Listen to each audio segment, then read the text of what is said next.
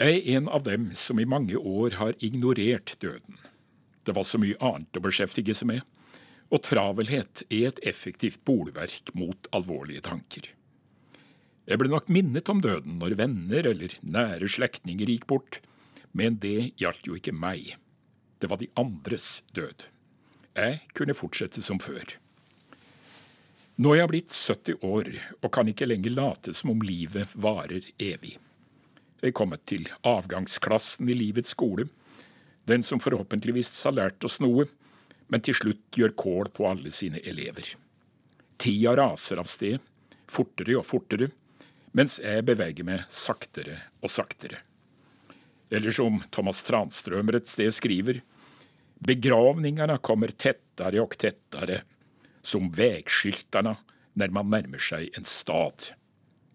Og plutselig er det min tur. Statistisk sett skal jeg ennå ha 15 år igjen å leve. Men døden leser ikke statistikk. Den kan komme i natt, i morgen, om ett år, om 20 år. Intet er vissere enn døden, og intet mer uvisst enn dødens time, sier et gammelt ord. Mot døden finnes ingen forsikring, ingen vaksine, ingen piller. Jeg kan heller ikke tenke den vekk. Når døden banker på, spør den ikke om det passer, om vi er ferdige med middagen og oppvasken, kryssordene og Dagsrevyen, innkjøpene og telefonsamtalene. Døden kommer som en tyv, og den tar alt. Jeg har ingen erfaring med hva det vil si å dø. Det skjer bare én gang, ingen angrefrist og ingen reprise. Nå har jeg gjort som jeg alltid har pleid å gjøre når jeg ville tenke igjennom ting. Jeg har skrevet, og det ble denne boka. Hvorfor? For å komme nærmere fenomenet døden, for å gi kaoset form, for å forstå. Men kan man forstå døden ved å skrive om den? De andres død, kanskje, men ikke min egen. Uansett hvor mye jeg prøver, er jeg ikke i stand til å forestille meg min egen død. Ikke egentlig. Jeg kan fantasere om den, jeg kan snakke og skrive om den, men det blir på avstand, noe utvendig, noe som til forveksling ligner livet. Kanskje slik Hadar, en av Torgny Lindgrens romanfigurer, forestilte seg det. Den første av tiden som død skulle han bare ha hvila seg, sedan fikk han vel se. Jeg er bedre i stand til å forsone meg med min egen død nå når jeg har skrevet denne boka. Neppe. Vil jeg kunne integrere døden i livet ærligere enn før? Kanskje. Men jeg innrømmer at jeg også har skrevet for å utsette døden. Akkurat som Scheherazade i Tusen og en natt reddet livet ved hver kveld og forteller kongen en uavsluttet historie.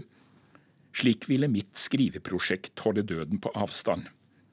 Jeg hadde en oppgave, og døden kunne ikke være så ondskapsfull at den ikke lot meg fullføre dens biografi.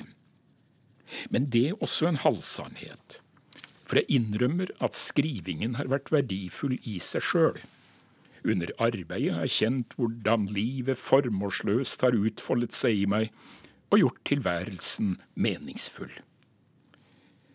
Å tenke på døden er som å stirre på sola, er det blitt sagt. Det er smertefullt, og vi forsøker å unngå det. Like fullt både sola og døden realiteter vi må forholde oss til. Ikke hele tida, for i det kan også ligge en benektelse. Vi innbiller oss at hvis vi stirrer døden i hvitøyet og ikke viker, så skal den i hvert fall ikke kunne komme uanmeldt. I denne boka har jeg skrevet om møtet med døden i barndommen. Et svart-hvitt fotografi, en død bror knapt to år gammel.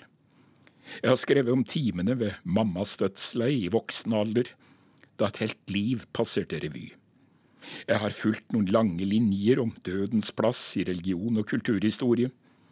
Jeg har skrevet om drømmen om evig liv, om dødsfrykt og eutanasi, om begravelser og sorg, om dødsannonser og gravskrifter, om monumenter og minner, om filosofenes og legenes død, og om døden i skjønnlitteraturen, fra Egil Skallagrimson til Astrid Lindgren.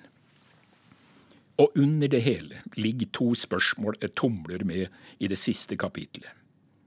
Når den endeløse natta rykker stadig nærmere, hva gjør det med hva vi tenker om livet og døden? Og kan man leve slik at man blir venn med døden, for å bruke Astrid Lindgrens ord? Eller vil døden for alltid være den siste fiende? Mine tanker om dette får du ved å lese boka.